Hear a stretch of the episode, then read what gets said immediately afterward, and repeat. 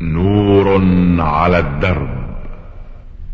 برنامج يومي يجيب فيه أصحاب الفضيلة العلماء على أسئلة المستمعين الدينية والاجتماعية. البرنامج من تقديم وتنفيذ سليمان محمد الشبانة. بسم الله الرحمن الرحيم. أيها السادة المستمعون السلام عليكم ورحمة الله وبركاته. ومرحبا بكم في لقائنا هذا الذي نعرض فيه ما وردنا منكم من أسئلة واستفسارات على سماحة الشيخ عبد الله بن محمد بن حميد رئيس المجلس الأعلى للقضاء. مرحبا بسماحة الشيخ عبد الله. مرحبا بكم. أه سماحة الشيخ هذه الرسالة وردت من اليمن الشمالي من المقدم عبد الله المتوكل من اليمن الشمالي يقول معالي رئيس مجلس القضاء الأعلى الشيخ عبد الله محمد بن حميد. السلام عليكم ورحمة الله وبركاته. وبعد نرجو أن تبينوا لنا عن آه عن هذا الذي سمعنا من بعض العلماء أنه يجوز للمسلم أن يتزوج من أهل الكتاب يهودية أو نصرانية حتى لو ما تسلم. وبعض العلماء آه قالوا أنه لا يجوز لرجل أن يتزوج امرأة لا تصلي. فما يكون صحيح والسلام عليكم من المقدم عبد الله. بسم الله الرحمن الرحيم. يا أخ عبد الله المتوكل من اليمن الشمالي. تقول إن بعض العلماء لديكم يقول بجواز تزوج المرأة الكتابية والبعض منهم يمنع من ذلك. نقول لك تزوج الرجل المسلم للمرأة اليهودية أو النصرانية لا بأس بذلك. فإن الله سبحانه وتعالى يقول اليوم أحل لكم الطيبات وطعام الذين أوتوا الكتاب حل لكم وطعامكم حل لهم والمحصنات من المؤمنات والمحصنات من الذين أوتوا الكتاب فقوله والمحصنات من الذين أوتوا الكتاب إذا أتيتمون أجورهن دل على جواز تزوج المرأة اليهودية أو النصرانية إذا كانت يهودية حقيقة عاملة بالتوراة والنصرانية بالإنجيل. فلا مانع حينئذ. لكن الأكمل والأولى ألا تتزوجها. بل ينبغي ألا تتزوج إلا مسلمة. هذا هو الأولى. فإن عمر بن الخطاب رضي الله عنه كتب للصحابة بأن يطلقوا نساءهم الكتابيات. فامتثلوا لأمر عمر إلا ما كان من حذيفة فإنه أبى ولم يطلقها ثم بعد طلقها فقيل له قال أريد أن أعلم أمير المؤمنين وغيره أن الله أباح لنا ولا أطلقها لقول أمير المؤمنين. وهذا هو مذهب جمهور وهذا هو مذهب جمهور أهل العلم. لكن الإمامية من الشيعة ذهبوا إلى أنه يحرم تزوج الكتابية على المسلم. وأما جمهور العلماء وهو القول الصحيح أنه جائز إذا كانت متمسكة بالتوراة أو النصرانية متمسكة بالإنجيل. أما أهل الكتاب اليوم فإنهم ليسوا أهل كتاب بل الأغلب عليهم أما إما دهريون وإما شيوعيون. هذا هو الأغلب. كما أن المسلمين اليوم الأغلب في حق المسلمين أنهم ليسوا بمسلمين. لا يعرفون الله طرفة عين لا يصلون ولا يصومون ولا يتمسكون بالشريعة الإسلامية إلا أنهم مسلمون مجرد مجرد انتساب للإسلام. ولم يأتمروا بأوامر الإسلام ولم ينتهوا عن نواهي الإسلام ومع هذا يزعمون أنهم مسلمون والواقع أنهم ليسوا بمسلمين ما داموا على هذه الحالة. والحاصل أن تزوج المسلم للكتابية لا بأس به إلا أن الأولى ألا يتزوجها بل يتزوج امرأة مسلمة أتقى وأبقى له وأنفع له ولأولاده والله أعلم.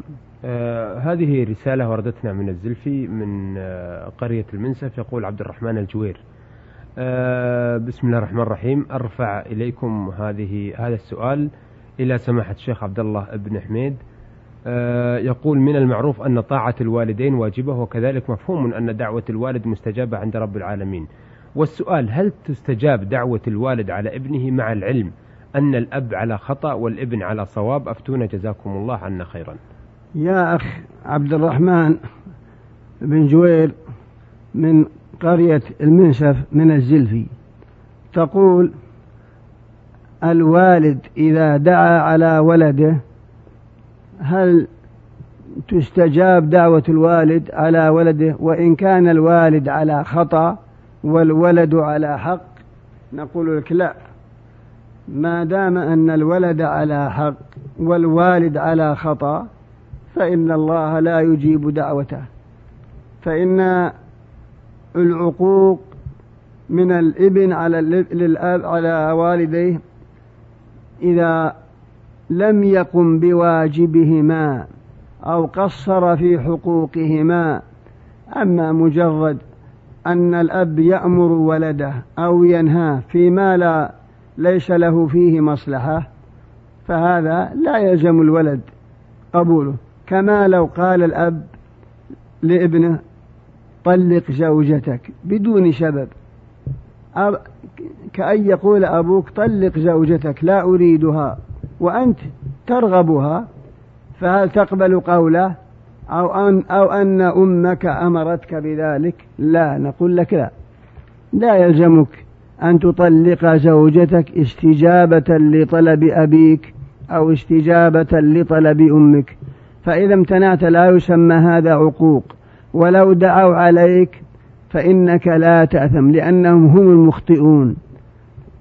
فالحاصل أنه ليس عقوق في حقك إذا أمروك بما لا ينبغي أو نهوك عما هو واجب عما هو واجب أو مستحب. ولا ضرر عليهم في ذلك. ودعوة الأب على أبيه فيما هو مخطئ فيه الأب. أرجو ألا حرج على الإبن في ذلك. والله أعلم. آه هذه رسالة وردتنا من المدينة المنورة. يقول من أخيكم في الإسلام عبد الله العيسوي. آه ما حكم بناء المساجد تحت العمارات؟ ولقد رأيت ذلك كثيرا في بعض البلاد العربية وهو أن يبني مسجد في الدور الأول ثم بعد ذلك يبني من فوقه أدوار أخرى للسكن.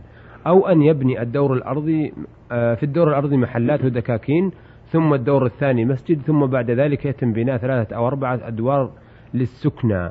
أريد حكم الإسلام في ذلك. جزاكم الله عنا خير الجزاء. يا أخ عبد الله العيشوي من المدينة المنورة تقول إنك رأيت في بعض البلاد أن المساجد تكون أسفل وفوقها عمارات مسكونة أو ربما أن الأسفل يكون دكاكين وفوقه مسجد وفوق المسجد عمائر مسكونة هل هذا جائز؟ نقول لك يا أخ عبد الله لا بأس به. ما دام أن المسلمين يصلون فيه ولو كان الذي فوق مملوك ومسكون أو الذي تحت محل بيع وشراء كل هذا لا بأس به. ما لم يصل إلى المسجد ضرر من السكان من كحمامات أو ما أشبه ذلك. وإلا مجرد ما ذكرت فلا بأس به. بأن يكون المسجد أسفل ملاصق للأرض وفوقه عمارات أو أن الأسفل ذكاكين وفوقه مسجد وفوق المسجد عمارات مسكونة. هذا كله لا بأس به. صرح به أهل العلم من الحنابلة وغيرهم والله أعلم. آه، أيضا يقول ما حكم الإسلام في من خرج منه أثناء البول؟ سائل ثقيل. وقد رآه الشخص وهو يخرج. هل يكون عليه غسل في ذلك أم يتوضأ ويصلي؟ أفتونا في ذلك. جزاكم الله خير الجزاء.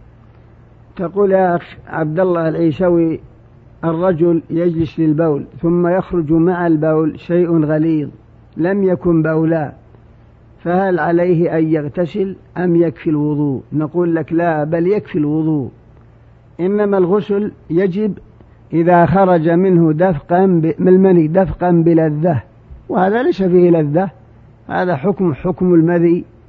إذا كان أصفر رقيق يخرج عقب الشهوة. المقصود ما دام أنه خرج مع البول أو خرج وحده ولم يكن منيا والمني هو ما يخرج دفقا بلذة فهذا هو الذي فيه الغسل. إذا خرج دفقا بلذة وإذا كان دون ذلك فليس فيه إلا الوضوء. وسؤالك أنه يبول ويخرج مع البول شيء غليظ هذا يكفي فيه الوضوء ولا يلزمه أن يغتسل لأجل ذلك والله أعلم. آه هذه رسالة وردتنا من السودان ومن مرسلها إبراهيم محمد عبد الله قدس. آه في الحقيقة نرجو من آه السائل إبراهيم أن يحسن الخط أو يلجأ إلى من يكتب رسالته بخط واضح. يقول سؤالي في هذه الرسالة أن فيه أحاديث نبوية آه، إذا قرأت بعض كتب السنة أجد في نهايتها أحد آه، في نهاية الحديث يقول لها ضعيفة. آه، هل يجوز شرعا الاعتصام بها أم لا؟ أفيدوني جزاكم الله خير الجزاء. يا أخ إبراهيم محمد عبد الله قرص من السودان تقول إنك تقرأ في كتب الحديث وتجد في بعضها أحاديث ضعيفة. هل يجوز الاعتصام بها؟ يا أخ إبراهيم لا ينبغي أن تعمل بما لا تعلم. فالأحاديث الضعيفة قد يكون لها شواهد تقويها وتصل إلى درجة الحسن أو الصحة ولم يوجد لها ناسخ ولا معارض فيعمل بها. وقد تكون ضعيفة الأحاديث الصحيحة تخالفها أو أنها منسوخة فلا يجوز العمل بها. والمقام يقتضي التفصيل ولكن الأولى ألا تعمل بشيء حتى تسأل أهل العلم. فاسألهم عن الحديث الضعيف أو الحديث الصحيح ليدلوك لأنهم يعرفون الحديث الضعيف. إذا ذكرت قلت هذا حديث ضعيف وقد جاء عن النبي صلى الله عليه وسلم قال كذا وكذا. يعرفون هل هذا الحديث له شواهد أخرى تقويه؟ يقول لك نعم الحديث يعمل به لأن له شواهد وله ما يؤيده أو أن له أو أن هناك أحاديث صحيحة تؤيده أو أن الحديث يكون ضعيف ولم يكن له شواهد تؤيده بل الأحاديث الصحيحة تعارضه فيقال لك لا ينبغي العمل به. الحاصل أنك لا تصل إلى معرفة درجة الصحيح والضعيف وكيف العمل فينبغي أن تسأل عنه أهل العلم الذين يعرفون ذلك. هذا هو الأولى. فإن من كان شيخه كتابه كان خطأه أكان خطأه أكثر من صوابه والله أعلم. أحسنتم. هذه الرسالة وردتنا من جيزان. يقول مرسلها قاف غين لي أم مكتوبة في الضمان الاجتماعي. لها ولد ولها اثنان أبناء بناتها. علما بأن الأولاد أيتام وهم تحت صرفتها اللي هم أبناء بنتها. وهي التي تهيئ لهم كل شيء وهي تستلم باحتسابهم عائلة لها. ثم أن الاثنين تفرقوا من عندها وباقي معها ولدها. فإذا استلمت المعاش هل يصح لها أن تحج من هذا المبلغ أو تحجج لأحد أبنائها أو أقاربها من إخوان ونحوهم أم لا؟ وهل هذا المعاش آه، تستلمه حلال أم حرام؟ وإذا كان حرام فماذا يكفر عنها؟ أثابكم الله.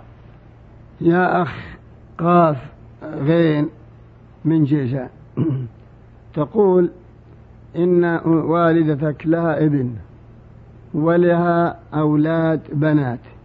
وأنها تقبض لهم من الضمان الاجتماعي. إذا كان إذا كانوا فقراء ومحتاجين فلا بأس. تقبض لهم وتصرف عليهم. فإن كان الله أغناهم وشدد أحوالهم فلا ينبغي أن تأخذ من الضمان الاجتماعي باسم أنهم فقراء والواقع أنهم ليسوا بفقراء. فلا ينبغي. لكن لو أخذت على أنهم فقراء وبقي منه بقية لا بأس بالحج منه والأضحية منه والتصدق منه لا مانع. كل هذا يصعب وإذا الله قبل يصل الثواب المحجوج عنه والمضحى عنه. لكني أنصحها ما دام أن الله شدد أحوالها هي وأولادها ولم يكونوا بحاجة إلى الضمان الاجتماعي لا ينبغي لها أن تأخذ. وإن كانت في حاجة إليه هي وأولادها فلا بأس. تأخذ بقدر حاجتها والله يسامحها ويغفر لنا ولها والله أعلم. لكن بالنسبة يا سمحة الشيخ لجعل أبناء البنات آه، كأبنائها هي وتأخذ باسمهم من الشؤون الاجتماعية. هو كما قلنا إذا كانوا فقراء نعم. فلها الحق أن تأخذ وتصرف عليهم. فإذا كان الله سدد أحوالهم فلا تأخذ. أحسنتم. أيها السادة إلى هنا نأتي على نهاية لقائنا هذا الذي عرضنا فيه أسئلة عبد الله المتوكل من اليمن الشمالي وعبد الرحمن الجوير من الزلفي قرية المنسف وعبد الله العيسوي من المدينة المنورة وإبراهيم محمد عبد الله قدس من السودان وأخيرا رسالة المستمع قاف غين من جيزان من المملكة العربية السعودية.